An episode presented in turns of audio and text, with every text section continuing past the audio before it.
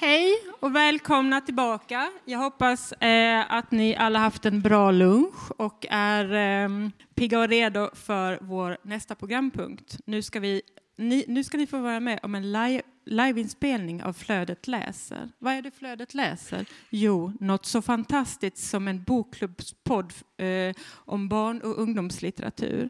Sedan 2017 har skolbibliotekarierna Klara Önnefelt och Lotta Davidsson Bask diskuterat aktuella skolbiblioteksfrågor med varandra och en lång rad inbjudna gäster i hela 52 avsnitt av Flödet, en podd om skolbibliotek. Efter ett tag började de längta efter att även podda om litteratur och startade Flödet läser 2019.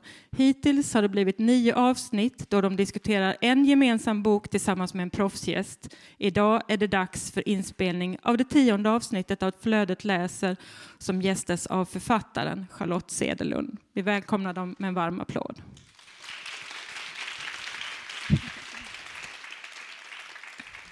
Underbart, underbart. Vi är här, eh, ni är här. Eh, men som trogna Flödet-lyssnare vet så kan vi inte sätta igång innan rektor Torbjörn är här. Så vi ber Patrik köra igång signaturen.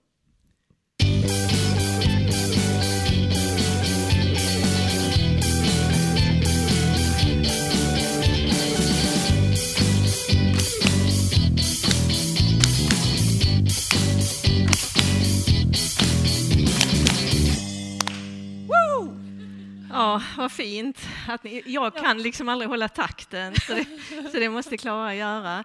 Eh, vi är jätteglada att få vara här och eh, spela in live. Eh, flödet läser vår 2023. Vi kommer ju att lägga ut det här avsnittet sen. Ehm, ja, vi ska först presentera oss, det brukar vi göra. Det får vi göra lite speciellt nu eftersom det kanske faktiskt finns nya lyssnare här i vår livepublik. Ska vi fråga, är det någon som aldrig har hört oss tidigare? Oh, jättemånga nya lyssnare! Gud, vad, det var jätteroligt. Alltså ni som lyssnar på detta i efterhand, nu räckte 40 personer upp handen. Ungefär. Ja. Eh, som inte har lyssnat. Så det var trevligt. Välkomna hit. Och ni som är trogna lyssnare, ni är också välkomna hit. Då ska vi presentera oss själva och sen ska vi presentera dig, Charlotte. Ja, ska du börja? Okej, okay, då börjar jag. Lotta Davidsson Bask heter jag. Um, ja, jag jobbar som skolbibliotekarie på Spyken. Jag har ett förflutet på eh, Polhemskolan och på Norra Fäladens bibliotek här i Lund och Norra Fäladens skolområde. Ja, Klara Önnefelt heter jag och jag är också eh, skolbibliotekarie på Spyken som ju då är en eh, gymnasieskola här i Lund. Eh, har jobbat som skolbibliotekarie sedan 2004, precis som Lotta också har gjort. Och har jobbat med alla olika åldrar i skolan och jag är också frilansande läsfrämjare och jobbar lite med fortbilda folk inom läsfrämjande verksamhet. Men nu är det podd. Nu är det podd och här mitt emellan oss har vi en eh, proffs, eh, en proffsgäst, verkligen, Charlotte Cederlund. Eh, du debuterade 2016 Stämmer. med första boken i Idejärvi-trilogin mm. som heter Middagsmörker. Jajamensan. Eller hur? Ja. Och sen sprutade du ur dig en bok om året. Lite drygt. Lite drygt, eh, samtidigt som du födde barn och jobbade som brandingenjör. Så ni fattar eh, vilken person det är som sitter här. Eh, och sen dess har du skrivit eh, massa böcker, men du har också startat en podd mm. ihop med din kompis Emma Andersson. Precis. Babbelpodden som är en podd om barn och ungdomslitteratur. Ja, men precis. Eh, tänker att om man gillar att lyssna eh, på Flödet läser och man har lyssnat klart och man tänker gud vad tråkigt, det finns inga fler avsnitt att lyssna på, då kan man lyssna på Babbelpodden. Ni vet Babbel för Babel. Alltså det är ingen som fattar det, men det är typ vår take på Babel fast för barn och ungdomsböcker. Absolut. Och ni har redan gjort fyra avsnitt den här terminen. Mm, och det är vår fjärde säsong. Ja, så du sover typ aldrig? Nej, sova kan man göra när man är död. Det får man göra en annan gång. Um, när, vi, när vi kör Flödet läser så har vi ju alltid en, en specialgäst med oss. Och vi har ju faktiskt eh, lite före detta gäster som sitter här. Karina till exempel, Gabrielsson Edling, också en sån eh, proffsgäst som vi har haft. Och då går det till så att vi väljer alltid en gemensam bok som vi har läst i förväg, som vi pratar om eh, lite mer, lite djupare. Och sen tipsar vi om, om varsin bok. Mm. Så, så det är liksom upplägget idag.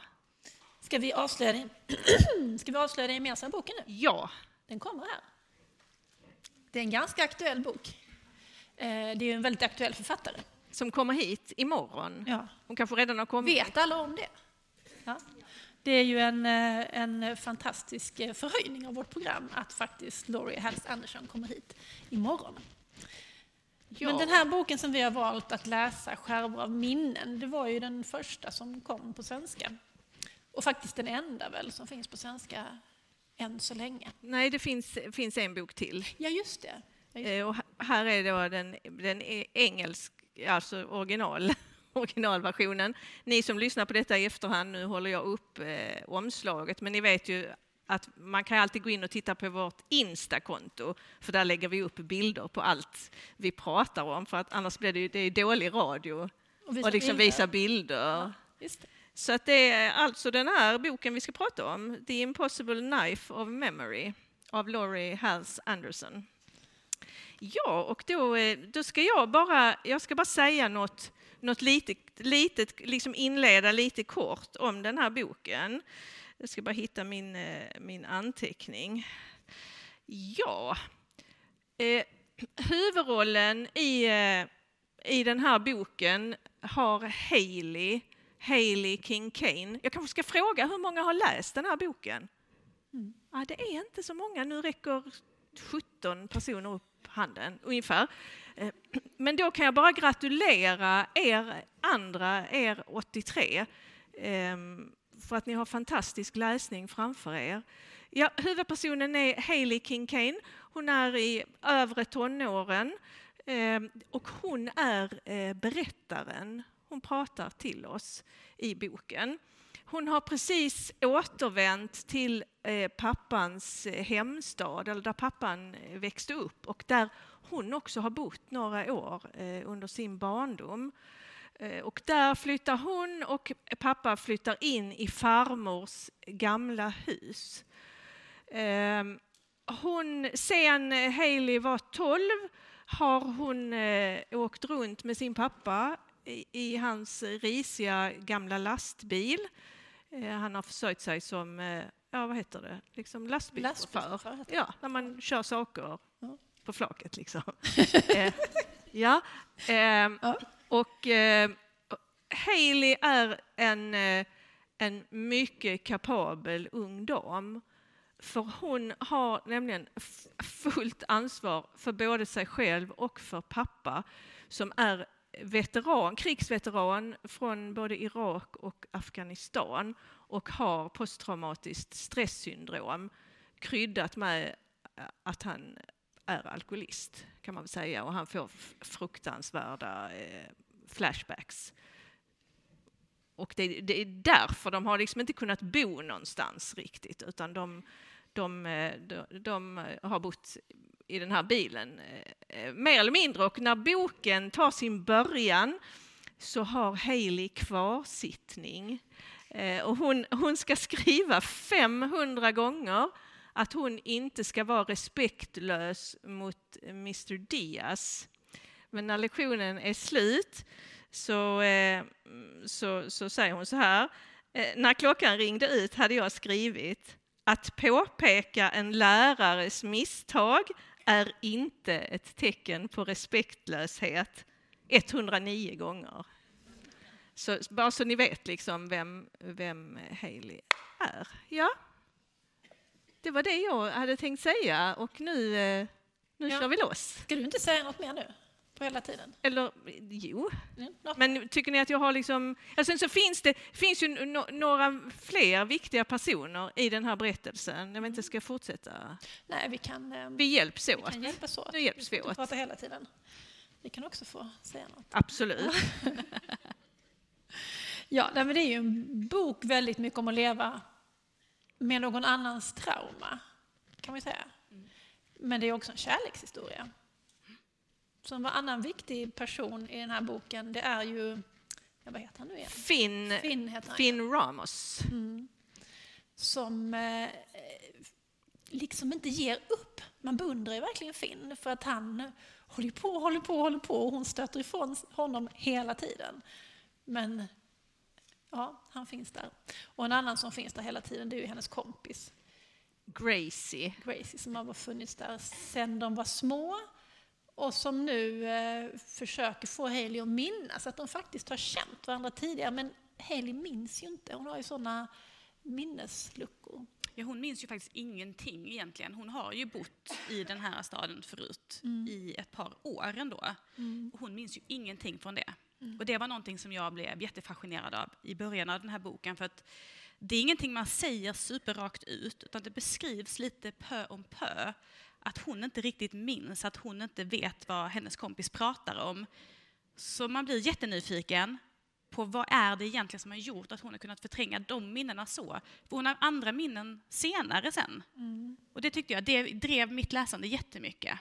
Hon, hon, författaren lägger liksom upp det lite som en gåta där vi får en skärva här och där av vad som har hänt. Precis, och titeln tycker jag var så himla bra. Alltså just skärvor av minnen. För dels kommer de ju tillbaks till henne som glimtar som skärvor, men de kommer ju också tillbaks som vassa jävla skärvor till hennes pappa också. Med de här skärvorna av minnen från kriget. Och så blev jag förvånad när jag såg då originaltiteln som är eh, en helt annan. Ja. och den, nu vet man ju inte, för att eh, när man läser den här svenska versionen, liksom, då är ju eh, titeln Skärvor av minnen, den återkommer ju flera gånger alltså i texten. Jag älskar sånt. Ja. Alltså, när jag försöker ge titlar, mina böcker titlar så älskar jag om man kan hitta titeln i boken. Ehm, så spontant så tänker jag ah, den engelska titeln är ju inte lika bra, men jag vet ju inte, den kanske återkommer på samma sätt i den Ja. texten som vi inte riktigt ser. Nej. Eh, men jag gillade verkligen denna titeln. Men det är intressant för du läser ju på ett annat sätt. Du kanske tänker mer på, hand, eller tänker på hantverket medan du läser. Det är ju nästan ofrånkomligt. Alltså i och för sig, ehm, de bästa läsupplevelserna jag har nu som författare är ju när jag glömmer hantverket. Men det händer otroligt sällan nu för tiden. Det händer liksom med någon bok då och då. För jag är så otroligt inkörd i att, åh, kolla vilken snygg inledning. Oh, kolla den gestaltningen. Men det är egentligen när jag glömmer som det är bäst. Och jag glömde faktiskt flera gånger när jag läste denna.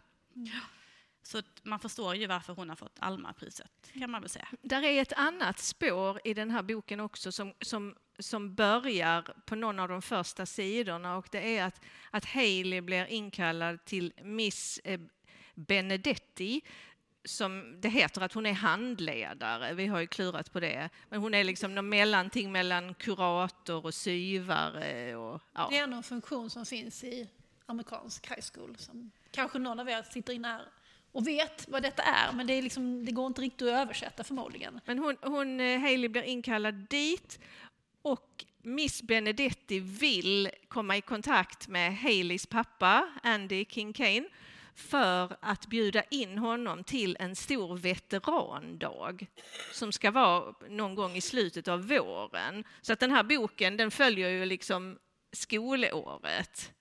Ehm, och Hailey tänker så här att det, går inte, pappa kan inte vara med på en veterandag. Det är omöjligt för att han, han kommer att bli spritt språngande galen om han ska prata om sina upplevelser från kriget. Han gillar inte heller sånt här när folk kommer fram och säger thank you, thank you. Så liksom. han, ja, han vill inte kännas vid det ju. Så det är liksom, det löper, det är flera parallella spår som är väldigt, eh, väldigt snyggt eh, gjort. Ja, men det är det. Det är verkligen en väv. Och i början när jag läser, och eftersom jag då varje gång någonting dyker upp så tänker jag ju, hm, varför är den här grejen med? Det här måste ju ha ett syfte.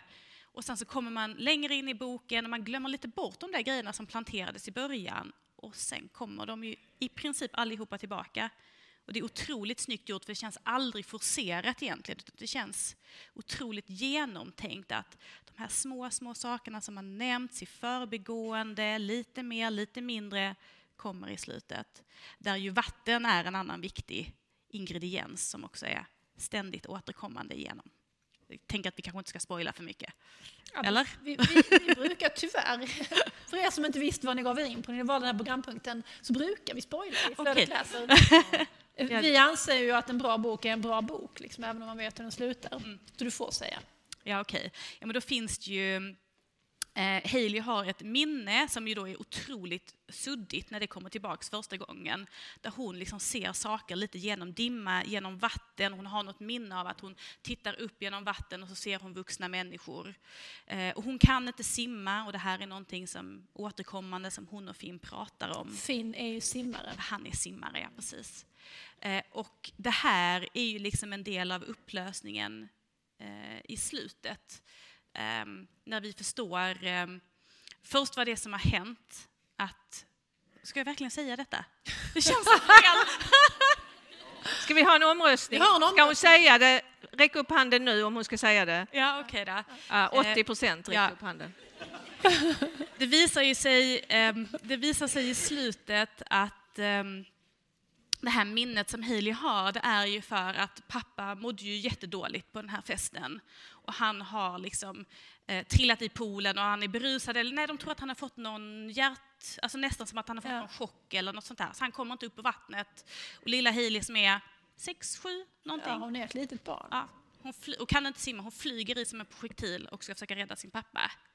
Eh, det är liksom ett minne som är jättestarkt, men sen är det också det att när pappan berättar om det här för Hailey så berättar han det som att att dö en drunkningsdöd. Alltså det han insåg när han låg där var dels vad stark och vacker min dotter är och också att dö en drunkningsdöd är nog den bästa döden man kan dö. Gud, jag blir helt rörd när jag säger det. Men ja, Ja. Nej, men he hela den här biten med att leva i någon annans trauma och att trauman går i arv. Alltså vi har pratat om den här också i vår, eh, vår bokklubb innan. Och då var det en av de andra som sa att ja, men det här är ju veteraner och sådär. Det har vi ju inte i Sverige. Det är kanske inte så aktuellt för våra ungdomar. Men det, det, och det är sant, det har vi ju inte. Men vi har ju väldigt många unga människor i Sverige idag som har en förälder som har ett trauma. Som går igenom liksom, på, på olika sätt. Så ja, jag tror absolut att det kan vara aktuellt för alla. Sen reflekterade jag också mycket över detta med att det är ju fruktansvärt tunga ämnen. ja. Men hon skriver det med sån fullständig lätthet. Det är, det är ju feelgood också. Det är romantisk feelgood till dels. Eller håller ni med om det? Ja, jag håller absolut med. Och jag, och jag kommer att tänka på, eh, apropå feelgood, så kommer jag att tänka på Trish. Ja. har vi ju faktiskt inte nämnt med ett Nej. Och Trish är ju en, eh, en väldigt viktig person i boken. För Trish var pappas eh, flickvän eller tjej. Och Trish är ju yngre än Andy. Och hon var, eh, de levde tillsammans när han reser iväg till Afghanistan. Så att hon blir förmyndare för Hailey, för Haileys mamma är, är, är död. Hon dog när Hailey bara var liten. Så att den här unga tjejen Trish tar hand om Hailey faktiskt från att hon är sex år tills att hon fyller tolv. Och då har Andy kommit tillbaka eh, skadad, både fysiska och, och psykiska men eh, från sin krigstjänstgöring och, och, och kommer hem och är helt tokig. Eh, och eh, Trish pallar inte att vara kvar. Så att hon, hon lämnar ju. Och det, kan ju inte, det sveket kan inte Hailey förlåta. Och sen har hon ju också, hon har ju också supit, eller hur? Hon det framgår att hon också är alkoholiserad. Och, ja, mm, Hailey skyller ju...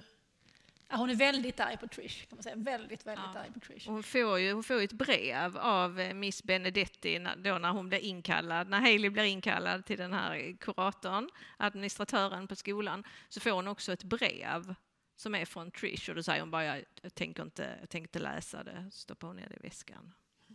Så Trish tar liksom, i början av boken tar Trish kontakt och då har Trish blivit nykter. Och det, jag tycker det är också det är ju väldigt snyggt gjort därför att ganska långt in i boken så eh, är ju, eftersom vi får följa det ur Haileys perspektiv, så tror ju åtminstone jag att Trish är ett riktigt asshole. Alltså det är liksom så hon porträtteras, att det här är liksom, eh, hon gjorde så mycket skit och hon har skadat mig och, och liksom jag vill inte att hon ska komma hit och hon bara sabbar för pappa och absolut inte. Och sen visar det sig att det är ju inte hela sanningen. Utan det fanns någonting före det och det är det som har gjort att det har blivit så sårigt. Att hon var ju faktiskt en bra förmyndare och en bra mamma och hade väldigt mycket den här mammarelationen med Hailey tills hon då sabbade den. Hon var ju ung. Och det måste ju också varit förfärligt att leva med den här totalt traumatiserade mannen Ja. som kom tillbaka från kriget. Det var en sak jag tänkte jättemycket på när jag läste, därför att kanske för att man som för oss i Sverige, många av oss i alla fall, mig, eh, har liksom ingen relation till det här med PTSD, heter det PTSD? Posttraumatiskt Stresssyndrom. Ja. Och liksom har svårt att sätta sig i, även om man liksom kan förstå det på ett intellektuellt plan, så är det svårt att förstå hur det känns. Och då tyckte jag att det var väldigt fint gjort i den här boken, därför att pappa Andy beskrivs ju också som, alltså ju längre in i boken jag kommer så tänker jag så här, alltså Hailey borde bara sticka därifrån. Alltså han förstör ju henne, han kommer ju traumatisera henne på sätt som hon aldrig kommer kunna läka. Han är farlig. Han är farlig, precis. Men då är det, det finns några, inte jättemånga, det finns ett par små minneskapitel då vi får följa hans minnen från kriget. Saker som har hänt, som är ganska korta och ganska råa och ganska hemska. Och de kommer med precis ett sånt intervall att jag påminns om att han är inte som han är för att han är ond. Utan han är som han är för att han bär på ett enormt trauma. Och jag tycker det är väldigt fint gjort. För hade de inte funnits där så hade jag nog sett Andy som en mycket mer bad guy i den här boken. Men det gör att jag förstår att det är inte så enkelt. Och han, han är ju också medveten om att han inte är så bra för sin dotter. Men de här åren i lastbilen, det, jag vill läsa ett litet stycke här. ehm, de körde ju homeschooling i lastbilen. Han undervisade mig, eller oundervisade mig. Det var kanske spännande ett tag. Han körde och jag läste högt. Vi pratade om allt. Bråktal och evolution, Abraham Lincolns kabinett och vilken Hemingway-bok som är bäst. Så det är ändå det är liksom en god relation mellan dem. Mm. Även om det i, i, emellanåt eh, Ja. inte är det. Ja. Det, det enda jag egentligen undrar av den här boken det är liksom första meningen typ. Det började på kvarsittningen. Exakt vad det var, så var det som började på kvarsittningen. Alltså den här berättelsen, inte ens den börjar ju på kvarsittningen för den handlar ju om allt som har hänt i deras liv, liksom hela hennes liv och allting. Vad är det som började på kvarsittningen? Ja, bra fråga, det har jag inte tänkt på. Vi frågar Laurie Hals Anderson imorgon kanske. ja, ja, faktiskt. Eh, ja, är det något mer vi, ska, vi behöver säga om den här boken? Annars kanske vi ska...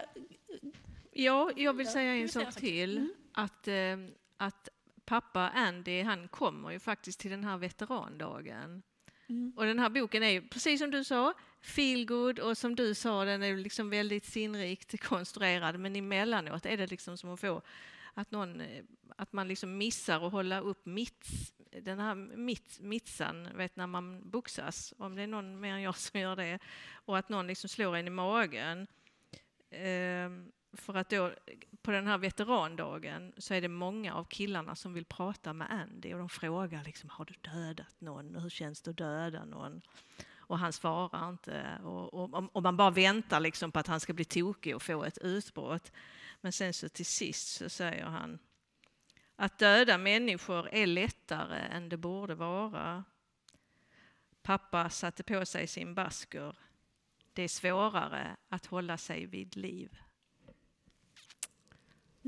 Läs den. Ja, läs den. Läs den. Läs den. Ja, då ska vi ta nästa bok. Och det är en bok som du har valt, Charlotte. Ja, men precis. Eh, jag fick i uppgift då att tipsa om ja, en bok som jag verkligen, verkligen ville tipsa om helt enkelt. Och då tänkte jag att den bästa boken som jag läste förra året, det var den här, Det gula skrattet av Vivica Sjögren. Eh, Den gjorde så otroligt stort intryck på mig när jag läste den, så jag tänkte att jag kan liksom nästan inte tipsa om någon annan. Och jag, var, jag tyckte den här var så bra att jag var så säker på att den skulle nomineras till Augustpriset.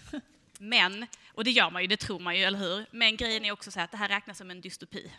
Och dystopier är fantastik. Och fantastik nomineras inte till August. Jag tyckte de gjorde en miss här. Den här skulle ha nominerats. Eh, för den här... ska jag bara säga själv att det är ingen regel. Nej, det känns som det. Ja.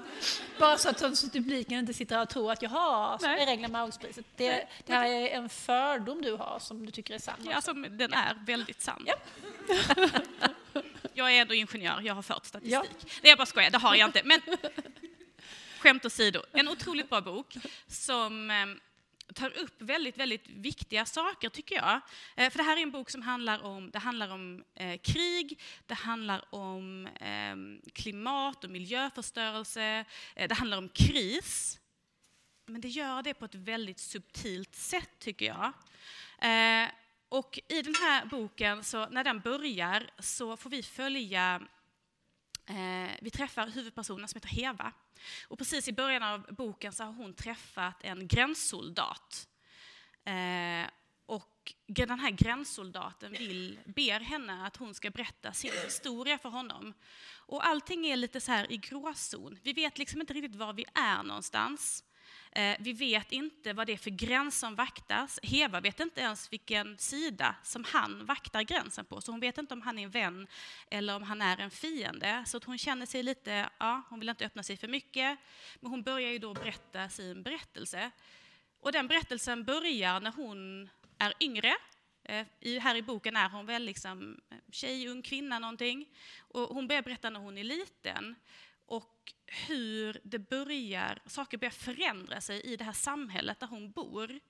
Eh, det har dels varit svåra år, det är en vinter som inte vill sluta, det är kallt, de fryser, de har ont om mat. Men det är också krig i bergen och männen skickas upp som soldater och försvinner.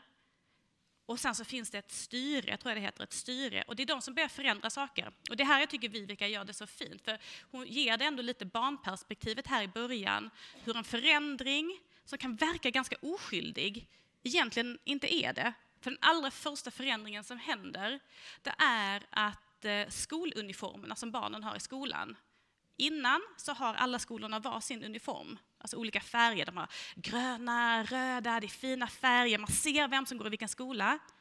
Och sen en dag så står det en massa styretbilar på skolan och de måste lämna in sina uniformer och få gråa uniformer.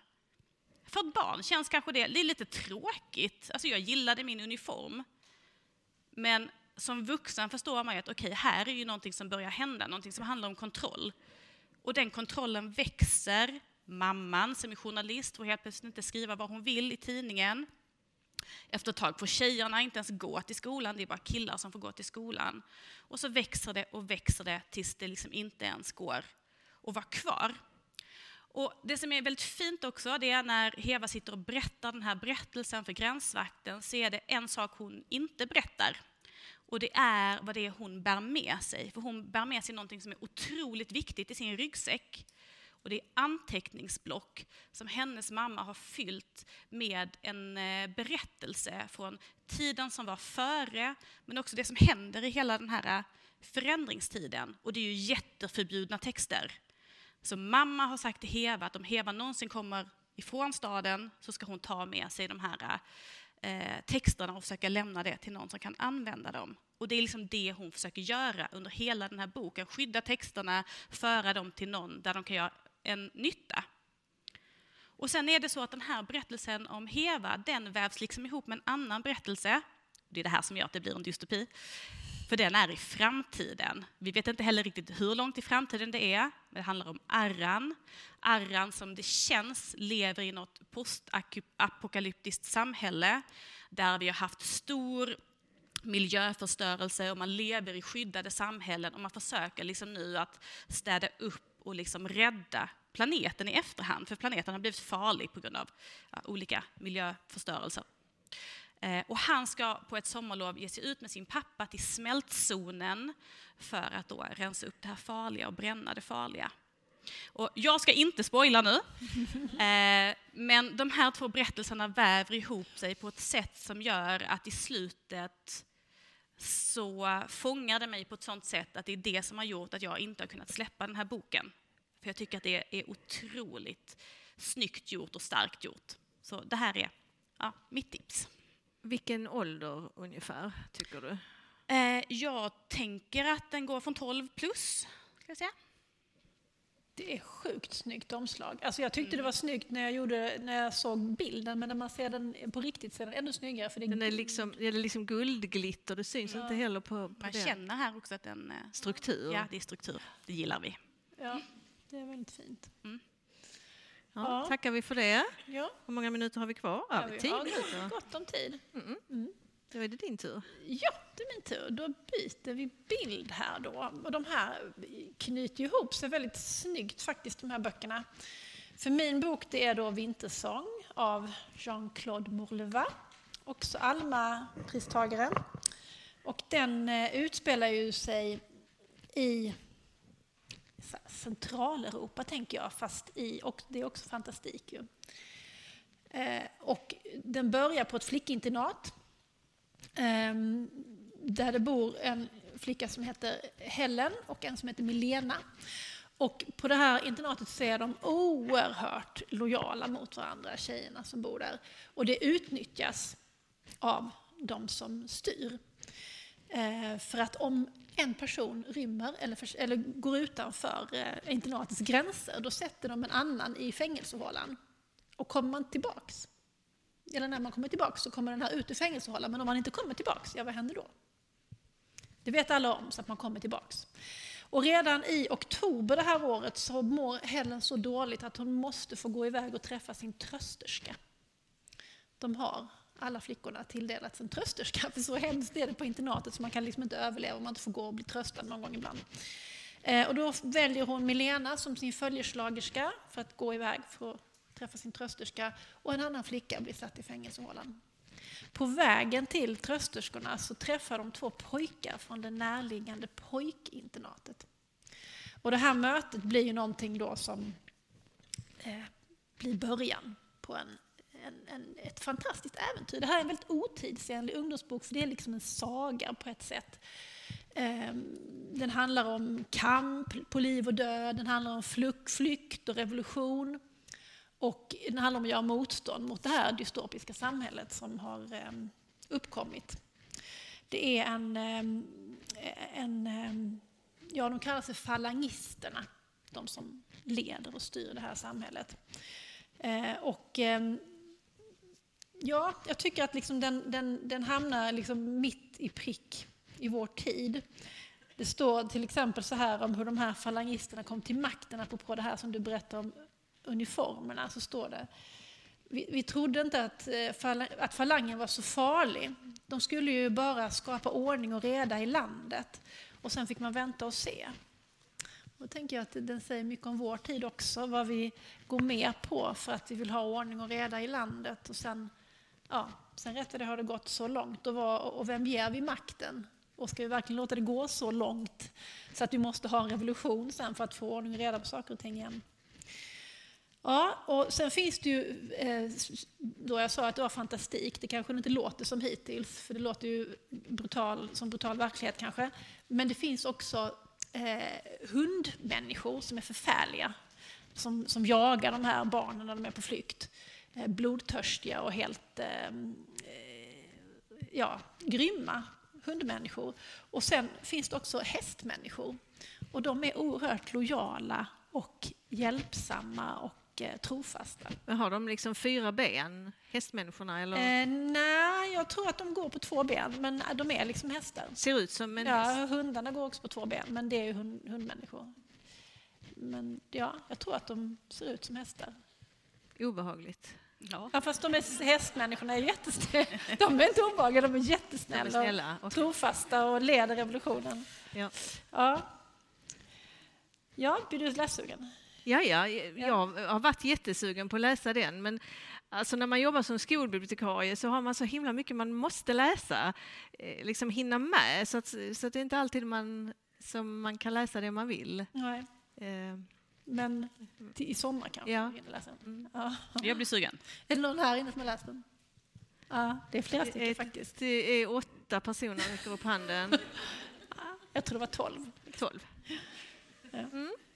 10 procent. Ja. Ja, nej, men jag rekommenderar den varmt faktiskt. Eh, och sen kanske nästa år kanske Molvar kommer till Litteralund. Vi vet inte. Ja, men nu när vi har pratat om den så kommer det hända. Det kommer det hända. Ja. Ja. Men varje gång vi pratar om, om honom så tänker jag på när du imiterar en som ringer in till Ring P1 och klagar över, kan du inte ta den? Ja, men det var, det, var jätte, det var ju när han fick eh, priset och då var det om eh, den första boken, eh, Jefferson. Och då var det någon som ringde P- Ring P1 och var jättearg för att det var någon som hade, den som hade fått priset var någon som hade gjort en berättelse om någon som mördade en ekorre, nej en igelkott. En grävling som mördade en Ja, frisör. och de var jättearga för det.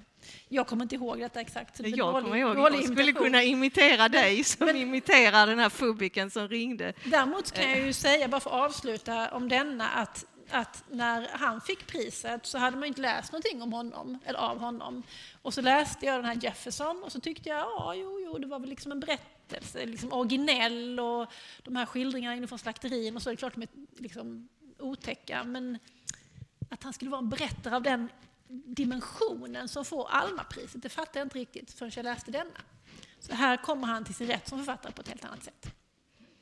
Mm. Fint. Ja. Ja, du har också läst en bok Lotta. Ja, eh, jag har läst två. Och vi stannar i Almaland. Vi stannar i Almaland, för nu ska jag tipsa om Speak av Laurie Hals Anderson. Eh, som kom ut faktiskt redan 19, på 1900-talet. 1999 eh, kom den ut, eh, alltså ungdomsromanen Säg något, eh, kom ut eh, i Sverige några år efteråt i översättning. Men Så det var helt 20 fel det jag sa, att Skärv var min var den första som kom på svenska. Ja, det, det var ju denna. För det, det här är ju hennes eh, debut, eh, debutbok. Ehm, men den här grafiska eh, romanen, Speak, eh, kom ut 2018 och jag läste den först. Och den har inte kommit i svensk översättning än, men vi hoppas, vi hoppas att den Det kommer. finns ju förlagsfolk här, så det är bara att sätta igång och Mm, översätta. Ja, översätt den. Ehm, så, att, så sen in- inför idag fick jag ju läsa eh, boken också, eller ursprungsboken, och de, de, är, eh, de är väldigt eh, lika. Eh, och den som har tolkat Laurie Hals Andersons text är Emily Carroll och det gör hon med den äran. Ehm, det är väldigt fina bilder i den här grafiska romanen. De är i en gråskala. Eh, Nu, ja, nu håller, ni som lyssnar i efterhand, nu håller jag upp här och liksom, som bara, så att folk ska få en uppfattning eh, om, eh, om illustrationerna. De är, alltså det är väldigt enkla och tydliga bilder eh, och eh, väldigt uttrycksfulla ansikten och så. Det är mycket, mycket känsla med, med små medel. En del grafiska romaner kan ju vara väldigt jobbiga att läsa för att det händer för mycket, men jag, jag tycker att man vilar bra i den här historien. Ja, eh, ni undrar kanske vad den handlar om. Den handlar om eh, Melinda Sordinos första år på high school. Eh, och hon, eh, när hon är på väg eh, i bussen eh, till första skoldagen så är det någon som, eh, som slänger någonting i nacken på henne, som ramlar ner i knät på henne. Och sen bara fortsätter det. Eh, människor eh, ignorerar henne, eh, knuffar henne nerför en trappa och hennes före detta bästis Rachel bara går förbi och viskar I hate you. Så att man förstår ju att det, det har hänt någonting i, i eh, skolbespisningen eller i den här elevkafeterian. Eh, när Melinda kommer med sin bricka så är det någon som kastar mat på henne. Så att hon, hon liksom bara smiter ut eh, direkt och är eh, förtvivlad. Eh, men vi, vi får inte veta vad det är som har hänt, så den är liksom lite lik eh, i upplägget, skärvor av minnen. Att vi får, vi får liksom en, en, en pusselbit i taget. Eh, vad är det för hemskt eh, hon har gjort? På, på första bildlektionen för, eh, för läsåret så får alla dra varsin lapp. Och då, då drar Melinda en lapp där det står träd.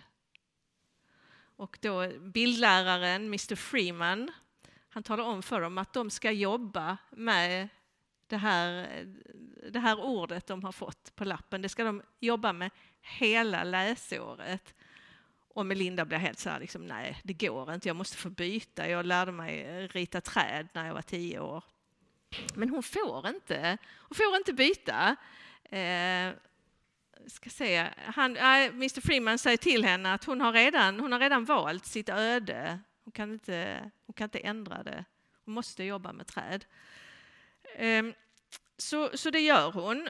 Hon sätter igång och, och är ju då liksom helt i ett vakuum, ingen pratar med henne.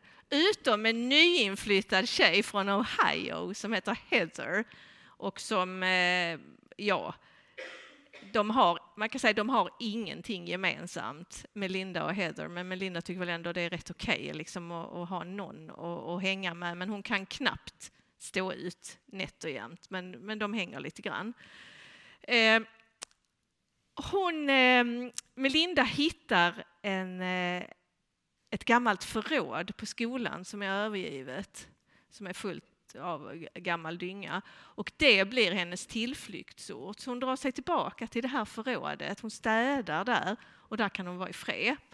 Och eh, på skolbiblioteket så har bibliotekarien blivit tvingad att ta ner en affisch med Maya Angelou på för att Skolstyrelsen har förbjudit en av eh, Maya Angelous böcker, så får inte ha den affischen. Så den tar Melinda, hon knycker den och så sätter hon upp den på väggen i det här förrådet och det är hennes hennes, eh, ja, hennes tillflyktsort. Um, ungefär 40, hon är väldigt arg, väldigt, väldigt arg. 40 sidor in ungefär i boken får vi veta vad det är som har hänt, vad hon har gjort som gör att alla, eh, att alla hatar henne. Och det, det, tänkte jag inte spoila faktiskt. Inte spoila, För att jag tycker att, jag tycker att ni ska läsa, läsa den här. Eh, bland annat, jag kan säga att det hon gjorde ledde bland annat till att en, en kille blev av med sitt stipendium så att han får hoppa av skolan. Så det är liksom inte, det är inte bara en liten grej. Men, eh, och, och, hemma är det också ett helvete. Det, det råder iskyla hemma.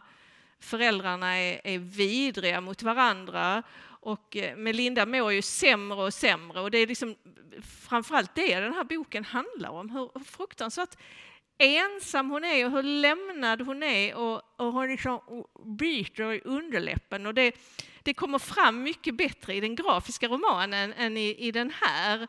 Liksom hennes förtvivlan och, och, och, och hur ensam hon är. Och det finns en, en fantastisk scen i den här boken. Ni vet Thanksgiving, alla som känner någon amerikan eller som är amerikan eller som har varit i Amerika vet att Thanksgiving, det är liksom grejen på året.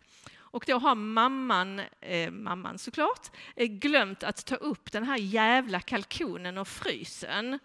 Så nu ska det lagas. Och, eh, och då ska de försöka tina eh, kalkonen och till sist så går pappan ut och tar en yxa och liksom del, hugger på huggkubben och det här, liksom kalkonen sprätter åt olika håll och sen trycker han ner den i en gryta och det ska ändå bli liksom någon turkey soup eller något. Så slutar med att de gräver ner den här soppan i trädgården bredvid eh, där hunden är begravd. Och så ringer de efter pizza. Ehm, Ja, ja det låter, det, nu, då är, nu är det slut. Det låter som att eh, det är en eh. hemsk eh, berättelse men ändå med liksom... Ja, men det finns, alltså det finns ju en som ser henne och det är faktiskt Mr Freeman, hennes bildlärare. Han ser att hon kämpar med någonting. Mm. Ja. Oh. Oj, oj, oj, oj, oj. Ja, det var det. Men, men eh, vi, vi, kan ju inte sluta bara så. Vi måste passa på nu när vi har Charlotte här och fråga vad Charlotte har på gång. Ja, ja. vad händer? Det händer mycket. Eh, jag gick ju faktiskt och blev heltidsförfattare för bara ett halvår sedan och då hinner man göra jättemycket mer grejer, vilket är kul.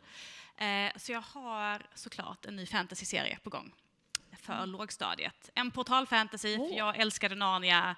Jag har drömt om att göra för min egen Narnia-berättelse för någon, så det har jag gjort nu. Och det är en serie som heter Tvillingvärlden. Eh, första boken heter Guldmånen och den är fullillustrerad av Anne Westin. Helt fantastiska färgillustrationer. Så det är det som kommer närmast. Ehm, sen kommer det mer grejer i höst också. Vad roligt. Var sitter du när du skriver? Jag sitter faktiskt, jag sitter mycket hemma. Jag älskar att skriva mjuksbrallor. Eh, och med min hund Sigge som jag har skrivit böcker om, om någon har koll. Eh, men jag har faktiskt också ett sånt här litet, eh, jag har en, sitter på ett litet kontor här i Lund.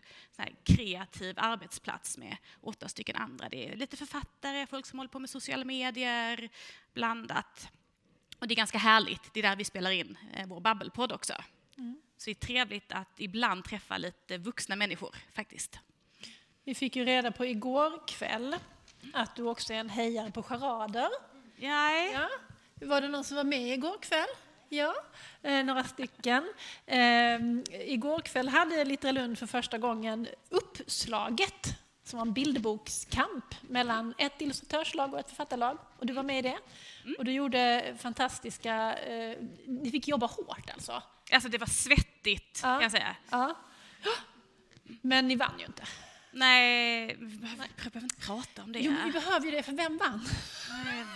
Illustratörerna. Ja, illustratörerna vann ju på scen, men vem vann? Vilket publiklag vann då? Ja, men det kanske var de som losade i den andra tävlingen. Då. Ja, det var ju, det var ju mitt lag som vann. Jag hade mina så! Ja, du vann. Det satt långt innan att Ja. du skulle säga det. Det visste man ju också, att Ja. om, man, om man har ett quiz och det är bara är bibliotekarier så inser man att det spelar ingen roll hur bra vi är, för alla bibliotekarierna kommer ändå spöa oss. Ja, Och det gjorde ni. det gjorde vi. Librarians rule. Ja. Men nu, nu börjar ju det här avsnittet gå mot sitt slut Ja, det och är då återstår det ju några småsaker. Ja. Och en sak som återstår det är ju att vi ska ge dig en, eh, en present, en eh, Flödet-mugg. Wow! Varsågod. Tack Nu snälla. får du Flödet-muggen där. Och sen brukar vi tacka varandra. Ja, det ska vi göra. Men vi ska framförallt ska vi tacka den här underbara livepubliken först och främst. Tusen tack för att ni har lyssnat. Och sen vill vi tacka dig. Charlotte. Cederlund. Ja. Tack för att jag fick vara Ja. med. Jätteroligt. Och sen vill jag tacka dig Lotta. Och så tackar jag dig Klara Sen tackar vi Littera Lund för att vi har fått vara med för att vi blev inbjudna hit. Ja. Vi är jättestolta. Ja, Vi har ju varit med och varit sådana som öppnar Ramlösan till författare och så. Sen Littera Lund började och nu är vi liksom på scenen. det gäller Wow. uppåt. Ja, innan Anna får tacka, ska vi ta, vi har ju en signaturmelodi, ska vi ta den först? Ja, så innan Anna får tacka oss så vill vi också tacka rektor Torbjörn, för det brukar vi alltid göra. Och så ska vi be Patrik spela vår signatur. Take it away! Sjung den!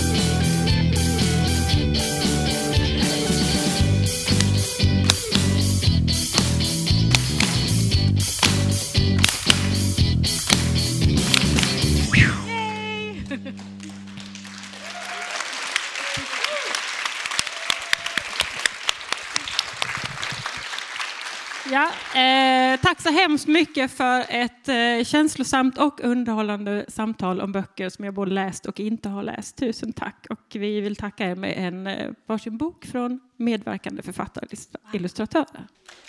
Ja. Åh, ja!